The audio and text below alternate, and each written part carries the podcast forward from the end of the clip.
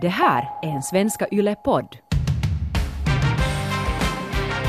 Tja, vi vet ju inte, kanske hon har berättat allt för, för sin man och... Ja, och inte vet du heller liksom att om den här förlovade killen dit i Tammerfors har varit och dragit över halva stan utan att hon har vetat om det. Inte vet ju det heller. Så Alva Tammerfors går julben. det sätter näsinneula i en helt ny dager.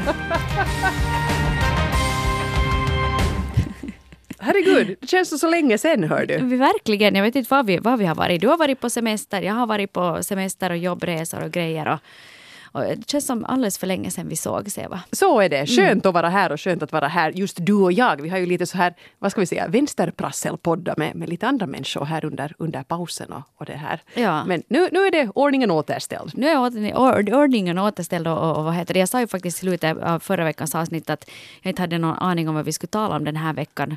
För jag led av tillfällig sinnesförvirring. Innan jag insåg att vi faktiskt har lovat att vi ska ta och gå igenom några av de brev som har kommit in här eh, under våren som vi inte har hunnit ta upp då i de här eh, avsnitten. Eller sen sådana eftersläntrare som har mejlat in, kommenterat, frågat någonting efter att avsnitten har gått ut. Just det, så det är liksom inget nytt ämne den här veckan men vi återgår till några sådana ämnen som vi har tagit upp här under de senaste månaderna. Det tycker jag är bra för det kommer ofta in jättebra kommentarer efter våra poddavsnitt och, och, och nu ska vi försöka ta upp några av dem i alla fall. Ja, ni får ju som sagt väldigt gärna fortsätta med att kommentera eh, de här programmen. Relationspodden at yle.fi är ju adressen dit du kan mejla och du är alltid fullständigt anonym då du närmar dig oss. Så, så skriv in dit bara. Jag måste bara berätta, jag var på, på semestern och så gjorde jag... Jag köper hemskt sällan nu för tiden sådana pappersdamtidningar. Men på något sätt när man ska flyga så här, då vill jag ha med en liten hög för att det ska kännas så där lite lyxigt. Sen hinner jag ju inte läsa någon för jag har också en bebis med mig. Men i alla fall.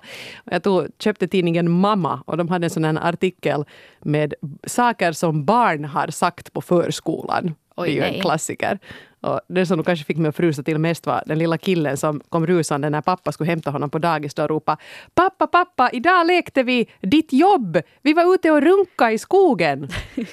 Då fick ju pappan jättefort förklara för personalen att eh, ja, alltså jag är röntgenläkare. Det är lite annat om du är ute och runkar i skogen eller att du är röntgenläkare. Om du, Professionell skogsrunkare, det är Ja. min pappa det. du sätter det i din Tinder-profil så, så, får, så väljer det ganska bra nog vilka matches du får i framtiden. Ja, mm. Men det är nog roligt det där vad barn sa också. Barn säger för att jag har också jag har en, en förskolepojke hemma också. Och han sa till mig här, igår kväll så sa han, stod där med, med uppspärrade ögon och sa att mamma, visste du att Felix faffa sover naken? Ja, Och nej. då måste jag ju säga att det vet jag ju faktiskt inte, eller visste jag faktiskt inte. Om jag skulle veta att Felix faffa sover naken så skulle det vara något väldigt underligt med hela den här konstellationen. Precis, det beror ju lite på Felix pappa. Men det är nog konstigt det där just att allt vad de här eh, just personalen får höra. Och det här talade vi faktiskt också om i ett avsnitt där vi talade om att till vem säger du att jag älskar dig? Och då var både du och jag rörande överens om att vi gärna skulle ibland vilja brista ut i kärleksyttranden åt just till exempel eh, skol och dagispersonal för allt vad de gör. Ja, precis. Och och att de håller tyst om det som de Ja. får höra på dagisen. Och tydligen eh, gl- eh, gladde vi någon med den kommentaren, för här är ett av de brev som vi har fått här sen sist. Ja, här är signaturen Fröken38 som skriver att Åh, vad ni gjorde min dag senaste lördag. För jag är just en av de där förskollärarna, dagisfröknarna, som ibland tar emot arga, trilskna och ledsna barn om morgnarna. Och ja, oftast går det fort över, men mitt motto är alltid att ta emot barnen med en öppen famn alla gånger. Så det här är just en, av de här vardagshjältarna som, som verkligen liksom är en sån trooper som liksom håller ihop hela skiten. No, men så är det. Då alla vi, vi föräldrar bara pulveriseras på, ute på parkeringen. Ja, så är det. Ja. Oj, oj. Tummen upp. Ja, Jag kom, på, jag kom på ännu en grej. Alltså det här var inte dagis, utan det här var när min yngre dotter skulle skriva uppsats. Hon hade just lärt sig att skriva. och det var i påsktider, så det passar bra. Rubriken för uppsatsen var ungefär Hur brukar ni fira påsk? Och då skrev hon På påsken letar vi ägg som påskharen har gömt. Ibland har påskharen druckit lite vin och då är det väldigt svårt att hitta äggen. För påskharen minns inte heller var de är. Det, det är mitt nya artistnamn, Eva Påskharen Frans. Påskharen hade druckit så mycket vin att inte kom ihåg vart äggen har blivit Det är ett gömda. stort mysterium och ibland har, har påskharen varit jättekreativ Ja. när i, den i nattens mörker har gömt de här äggen. Du märker det sen när du sätter in vet du, lammsteken i ugnen. Så märker du sen att vad är det som smäl- att det är någonting skumt där på botten av ugnen. Så märker du att där är några chokladägg som har smultit med förpackning och härligt. allting. Jag menar, ett år gömmer man tio ägg och hittar nio och nästa år gömmer man också tio ägg och hittar elva och då är man lite osäker på att ska vi äta alla de här. Ja, det är någonting som inte stämmer där. Oj, gästas. Jo. Jo. Nåja, men i alla fall, det var då lite eh, apropå eh, det här med att säga jag älskar dig. Eh, Det här är roligt. Jag, liksom en av de här frågorna har jag nästan glömt att vi har ställt. Men De det- aktualiseras på nytt här när ni skriver. Men det är inte egentligen så konstigt för jag, för jag kollade faktiskt runt lite och jag insåg att det här är nu avsnitt 29. Hoppsis! Så, så att det finns ju en hel del avsnitt att reagera på. Eh, men så hade vi ju ett avsnitt som handlar om bonusföräldraskap. Och då har vi en eh, anonym, eh, signaturen M kan vi säga, som har skrivit till oss så här. Tack för ett bra avsnitt om bonusföräldraskap. Jag är inte helt där än, men det gav bra tips inför framtiden. Just nu dejtar jag en som har barn från ett tidigare förhållande. De har ett välfungerande vecka-vecka-system för det här och de är vänner så att det är inga problem med det. Mina funderingar går mest kring hur det är meningen att jag ska bete mig. När jag tycker det är dags att börja träffa barnet, ska jag ta upp det eller vänta att hen gör det? Vad om hen aldrig tycker det är dags? Vi kan inte dejta varann, varannan vecka i all evighet. Eh, hur ska man bete sig i början när man ses och hur går det sen när man eventuellt ska börja sova över samtidigt som barnet? Tänk om hen är en helt annorlunda person när barnet är med. Och hur ska man klara av att hantera det här med att aldrig någonsin vara prio ett i sitt förhållande? Niles, du säger, jag har inga egna barn. Mm. Bra frågor. Du har, ju li- du har ju lite befunnit dig i den här situationen tidvis. Du. Ja, jag har lite varit inne och nosat på det där faktiskt. Och, och jag menar, det är svårt att säga utgående från ens egen erfarenhet hur någon annan ska göra.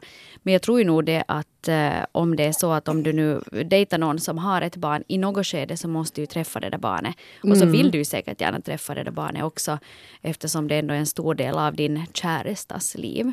Men jag funderar Så- också där att liksom, eh, man behöver ju kanske inte gå på så bombastiskt att det här är nu mammas nya kärlek. Man kan säga att, att kom på kaffe med mamma och en av hennes kompisar och så kan man ju introducera den här personen lite på det sättet. Ja, precis. Att man behöver inte vara så att man står där med liksom kappsäcken i tamburen Nej. och säger att nu ska, vad heter det, Det här är Örjan och nu flyttar han in. han flyttar in här och han kommer bo här varannan vecka med oss. Ja.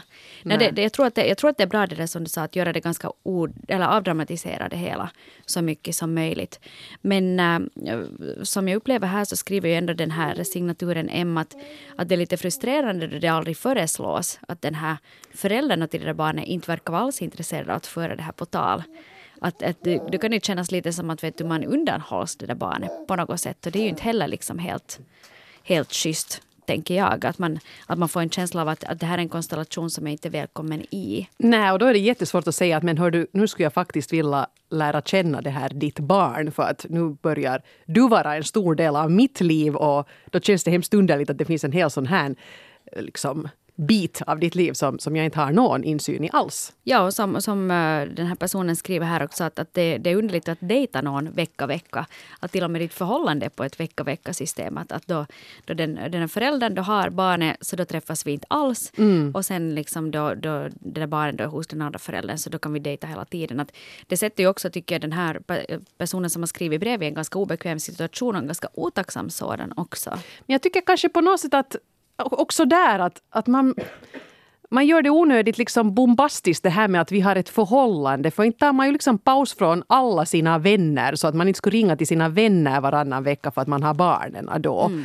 Utan att nog den här flickvännen, pojkvännen eller vad det nu sen är, nog kanske kan, kan dyka upp eller man kanske talar i telefon eller kommer förbi men kanske inte sover över då Ja. i den första, första tiden. Men att liksom nog finns där. Inte, jag menar det är hemskt underligt om man bryter kontakten totalt Ja. vecka, vecka. Så kan man ju inte hålla på.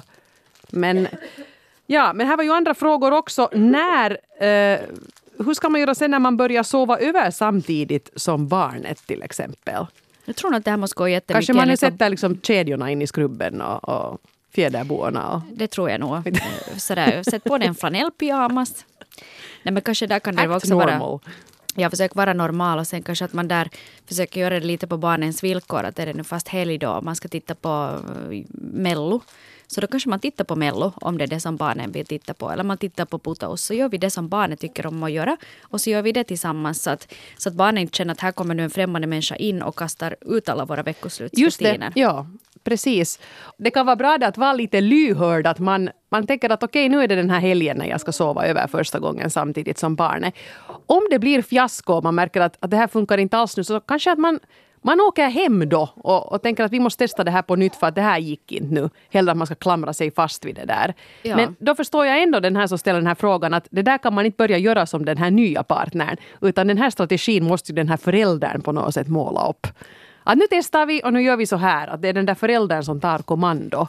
Och ja. jag vet inte vad jag kan ge dig för annat råd än att, att säg nu till till den här din partner att, att nu nu säger jag det här till dig, bara en gång. Mm. Att jag tycker nog att du måste ta tag i den här situationen med mig och det här barnet. Och jag kommer att respektera hur du vill bygga upp det hela, men att det här känns ju inte liksom som en långsiktig lösning att hålla på på det här sättet. Nej. Vänligen jag, lös det. Ja, ja, att jag gärna vill träffa ditt barn. Liksom, att, här, att man ser det barnet som en tillgång ja. i tillvaron och inte som ett, ett hot eller, eller någonting som är, inte på något vis hör till den här konstellationen. Och angående det där att man är en annorlunda person när barnet är med det är man nog bara. Det, det liksom hjälps inte. Men det är ju inte liksom så att man är Jekyll och Hyde utan man är ju kanske lite lite pipigare och, och lite mm. prata lite barnsligare och, och, så här men, men liksom det, det är ju ändå två varianter av samma person. Mm. Så att det, det, får man ju också nog bara ta om man ska dejta en förälder tror jag. Så är det. Annars är det bara att gå vidare och söka i, i singelträsket vidare. Mm. Men det här var en fråga ännu. När ska man introducera en ny partner? Vad skulle du säga? Jag, ska, jag skulle säga att låta det, låta det ta ett tag. För vi talar om det här faktiskt mera då i det här avsnittet om just bonusföräldraskap. Det är sant. Och där, tror jag, där kom vi fram till det att det är ganska många som kanske lite för snabbt introducerar då en ny. Speciellt om du har fast då en, en skilsmässa bakom dig eller en separation. Så för barnens skull så tror jag där att vänta. Det kan ju hända att det är just det som den här personen nu vänta kanske lite för länge då också. Mm. Men att, mm. att man ger, ger det hellre lite för mycket tid än lite för lite tid. Det skulle jag nog säga. Ja, och sen pratar vi om månader, år? Ja, åtminstone nu ger, och ger nu att den där relationen är någorlunda stabil mm. innan du introducerar det. För att jag, har, jag är åtminstone väldigt försiktig med att introducera någon åt mina barn efter att jag en gång introducerade en man till dem. Och de fäster, barn fäster sig så snabbt jo, jo, jo. det kommer in en ny cool typ. De tyckte att det var roligt sådär att de fortfarande, kan, flera år senare, kan de fråga att hur är det nu med den och den och har du hört någonting av den? Så, så jag tror att du ska se till att, att den här liksom kärleksrelationen verkligen är någonting att mm. räkna med. Att du inte börjar liksom att dejta, att hej kom hem till oss på kaffe, att det är så här vi dejtar. Ja, jag, jag precis. Tror, ja. ja. Och där måste man kanske också hålla huvudet kallt för att om man är nykär så är man ju övertygad om att det kommer att vara vi i all evighet och att mm. man då kanske inte har det bästa omdömet. Men att lite dra i, dra i bromsen där i alla fall när det gäller barnen. Ja.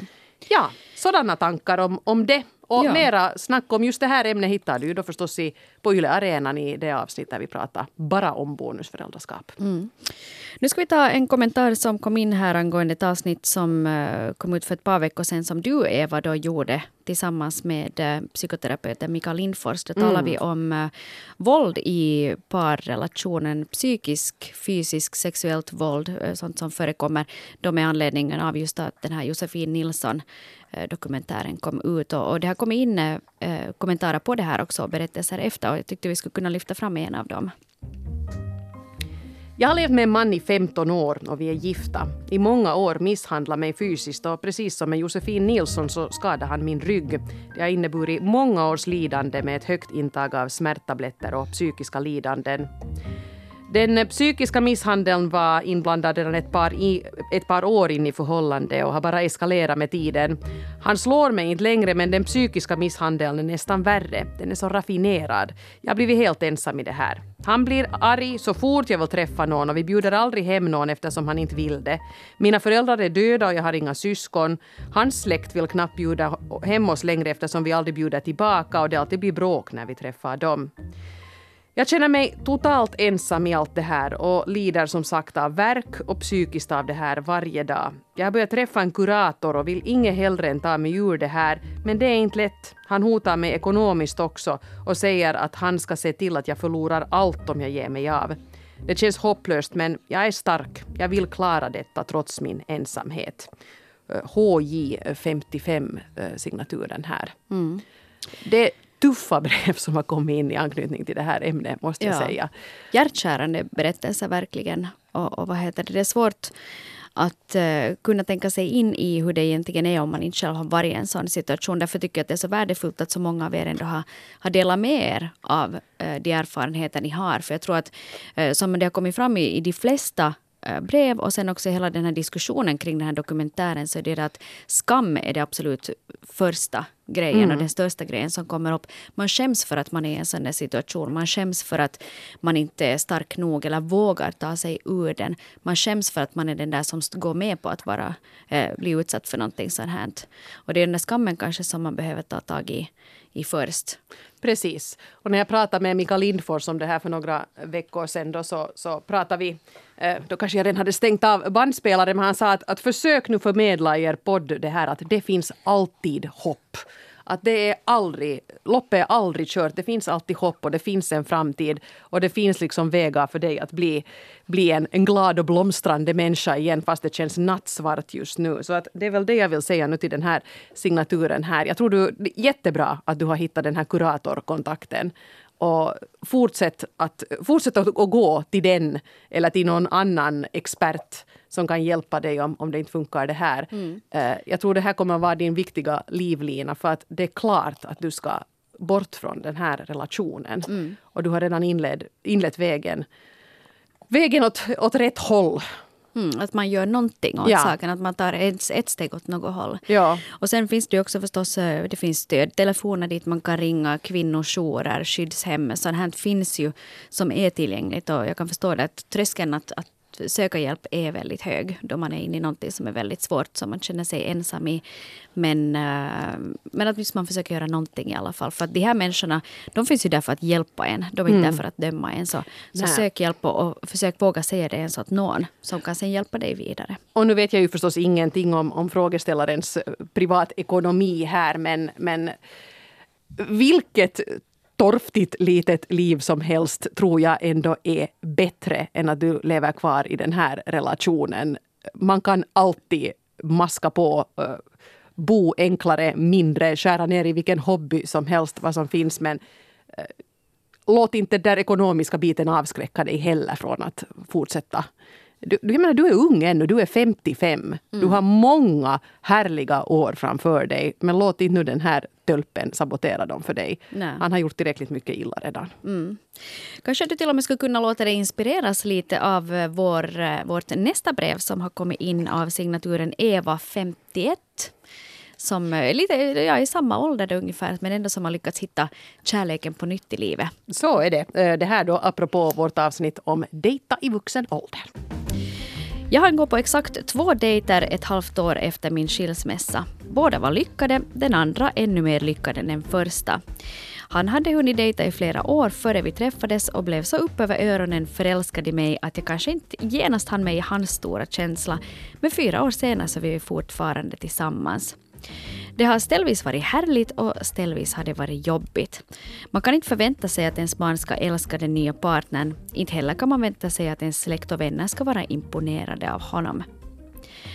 Ett parförhållande är ett förhållande mellan två personer. Ett förhållande som man egentligen inte ska behöva försvara eller förklara för andra som inte förstår varför man är tillsammans. Vi har många gemensamma intressen. Vi tycker om stugliv, resor, konst, litteratur och film och vi har det bästa sexlivet någonsin. Men utåt sett så är vi olika. Jag är extrovert och han är introvert. Jag är finlandssvensk och han är från bortersta finska Finland. Vi grälar ibland, då handlar det om våra olikheter.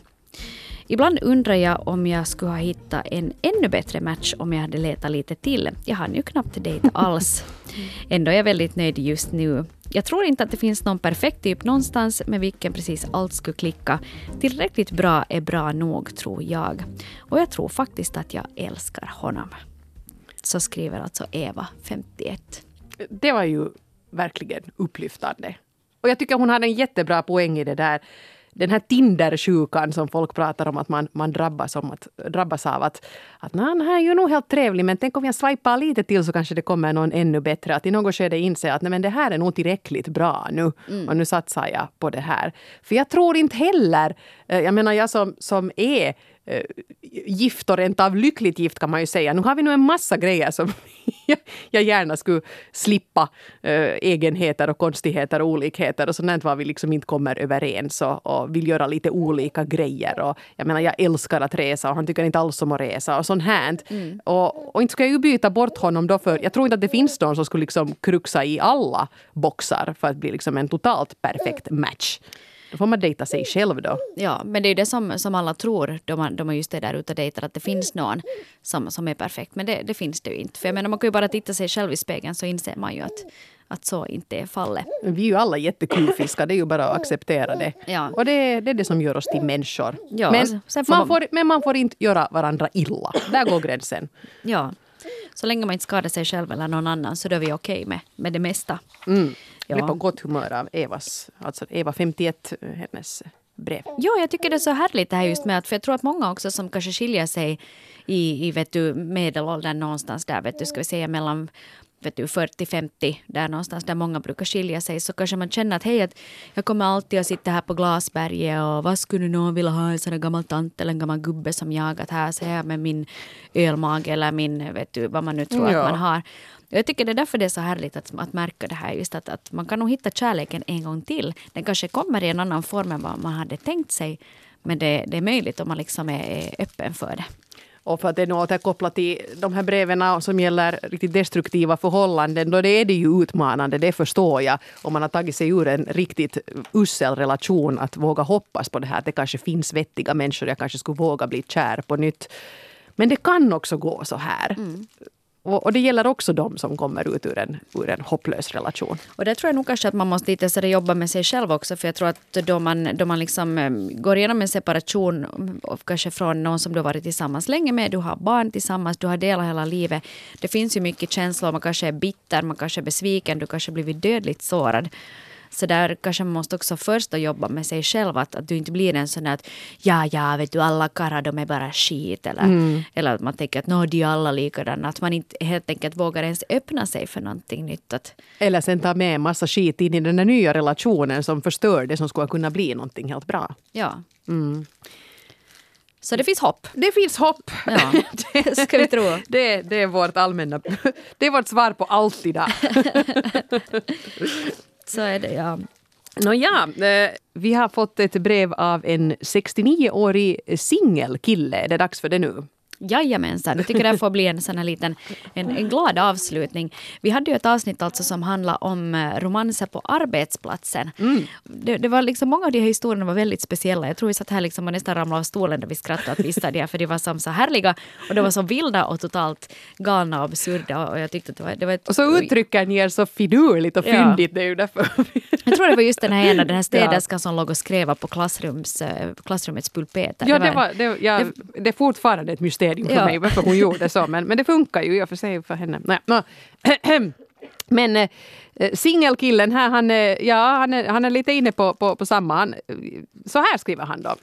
Hej Hanna och Eva, ni är nog roliga ni. Låg i sängen och skrattade så grannarna vaknade. Här är alltså singelkillen Se igen, 69 år men still going. Jo visst har jag också fått en jobbromans och inte var den så liten heller. Jobbade som 33-åring och liggande i skilsmässa på Stora resebyrån i ett litet rum för två. Fick en ny kollega, ursöta fröken O, 23 år och förlovad. Hennes kille studerade i Tammerfors och besökte henne varannat veckoslut. Lilla rummet gjorde allt så nära och O hängde ofta på min axel då vi kollade viktiga saker. Mm. Lilla O, jag börjar tänka på det där barnprogrammet. Lilla O och Molly. Vi ska inte blanda in det i den här historien. Jag, jag hoppas det här är en annan O. en sen ensam veckoslutskväll i mars kunde O inte längre hålla sig utan ringde mig som hon visste var ensam hemma då min familj åkte till landet. Vi talade i fyra timmar och nästa dag sågs vi hos mig. Ja, vi inte bara sågs. Vi höll sen på i cirka ett år tills hennes huvud inte längre klarade av tremanskapet. Vi avslöjade inget på jobbet och kanske ingen märkte. Ingen har efteråt frågat. Eh, jag blev ibland upptäckt med att åka spårvagn från Munksnäs i Ottan trots att jag bodde i Stensvik, men jag skojar bara bort det. Men det var hett och mycket intensivt. Den förbjudna fruktens rus var bara så ljuvlig.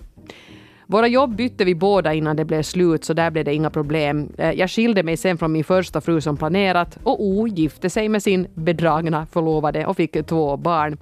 Åtminstone så länge vi höll på avslöja eller medgav hon inget om vårt intima liv för sin man. Jag tänker fortfarande på henne i mycket positiv anda, men vill inte störa hennes liv trots att jag är singel nu. Det skulle kännas alltför egoistiskt. Eh, jo, en fin vår önskar han oss toppendamer också. Tack så mycket singelkillen C. Vilken, vilken härlig berättelse. Eller jag kan förstå att vissa kanske är så att ajabaja så det får man inte göra. Eller man får inte vänstra och man får inte bedra. Och stackars den här mannen dit i Tammerfors som inte visste någonting om vad som hände.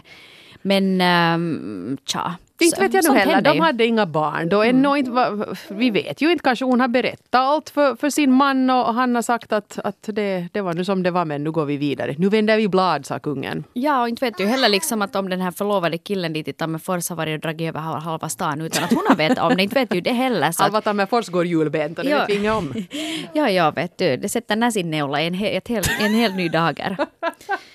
Ja. Nu hamnar vi dit igen. Men, eh, men, det, men sen är det också ganska länge sen. Det som jag tycker att är fint med den här eh, singelkillens berättelse är just det här, liksom, det här hämningslösa njutande av den förbjudna frukten. Vet att jag, jag skäms inte. Det här var ljuvligt och det var roligt och det var härligt. Och det som är också kul är att uh, singelkillen ändå uppger sig vara 69 år gammal och då det här hände så var han 33. Och tänk att det är ganska få människor i livet som du träffar som du fortfarande liksom över 30 år senare minns. och och tänker sant. på att du kommer ihåg den här tiden ni delar tillsammans. Och, och det liksom, vet du, träffar du någon sån människa i livet, oberoende om det blir något desto mer av det eller inte, så är det ju ett minne för livet, verkligen. Ja, och, och ja, jag, jag tycker det är fint att också sånt här som nu var lite förbjudet, att, att det ändå med tiden kan bli ett sånt här glatt och soligt minne. För att det verkar ju som att ingen nu faktiskt tog skada av det här. Nej. Och då kan ni ju bara vårda det minnet med ömhet. Och nu kan jag inte förstå det liksom. Just du tänker att du åker med med spårvagn från ett ställe där du absolut inte borde åka ifrån en tidig morgon till jobbet. Vet du. Du är lite kanske sådär rosig om kinderna ännu och fnittrar där för dig själv. Det, det, livet blir ju inte mycket bättre än så. vet du sådär egentligen. Så länge det inte är min man som är där och åker spårvagn. Ja, ja, så, precis. så, så det här, nåja. Ja, om, någon ser Evas man åka spårvagn tidigt på morgonen Han så känner, kan jag tror inte han känner någon i Munksnäs, men mejla oss på Relationspodden. nu har vi hela, bara så du vet det Jonas, you're being watched.